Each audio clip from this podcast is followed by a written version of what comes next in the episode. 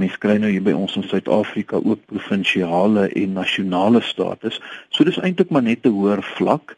Die manier waarop dit bestuur word sal nie werklik veel verander nie behalwe dat daar nou natuurlik 'n internasionale komitee is wat daarna kyk en sal seker maak dat alles op die regte manier geskied dat daar 'n bestuursplan is dat die bestuursplan korrek uitgevoer word sodat die erfenis nie agteruit kan gaan nie Wanneer daar besluit word dat 'n spesifieke gebied verklaar word as 'n internasionale erfenisgebied, wat is die vereistes waaraan dit moet voldoen? Beteken dit meer as net vir 'n spesifieke land? So in hierdie geval sou daar definitief gesê gewees het dat hierdie erfenisgebied eintlik belang op 'n internasionale skaal het.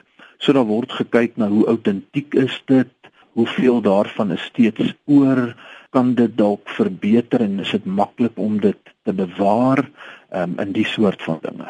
So wanneer ons dan nou na hierdie spesifieke gebied kyk, hoekom is dit gekies? Wat maak dit so uniek? Die sankultuur het in 'n groot mate uitgesterf want ons moet nou onthou dat die sanmense word eintlik verbind met die laatsteentydperk en eintlik daarna het jy nou nog die ystertydperk en dan het jy historiese tye.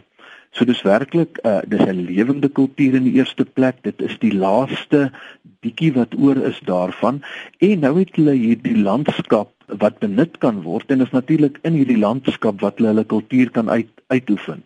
So dit gaan oor die inheemse kennis van hierdie mense, die taal van hierdie mense, die gebruike van hierdie mense wat dan eintlik nog nommer 1 bewaar word, maar nommer 2 bestudeer kan word soos wat dit autentiek is. Hierdie is nou Suid-Afrika se 9de wêrelderfenis terrein. Hoe gaan dit met die res? Die maklike antwoord is dat dit goed gaan, want as dit nie goed gaan nie, dan sal daar nie toegelaat word dat hierdie erfenisse verder op die internasionale lys kan bly nie.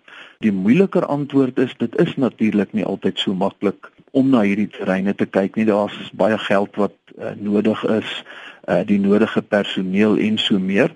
En ek het verstaan dat daar die laaste tyd 'n bietjie probleme onder andere by Robben Eiland is. Dit beteken nou nie dat hy sy status baie vinnig sal verloor nie en die regering is bewus daarvan, die erfenisowerhede is bewus daarvan. Hulle moet nou net werk daarvan maak dat dit nie verder agteruit gaan nie.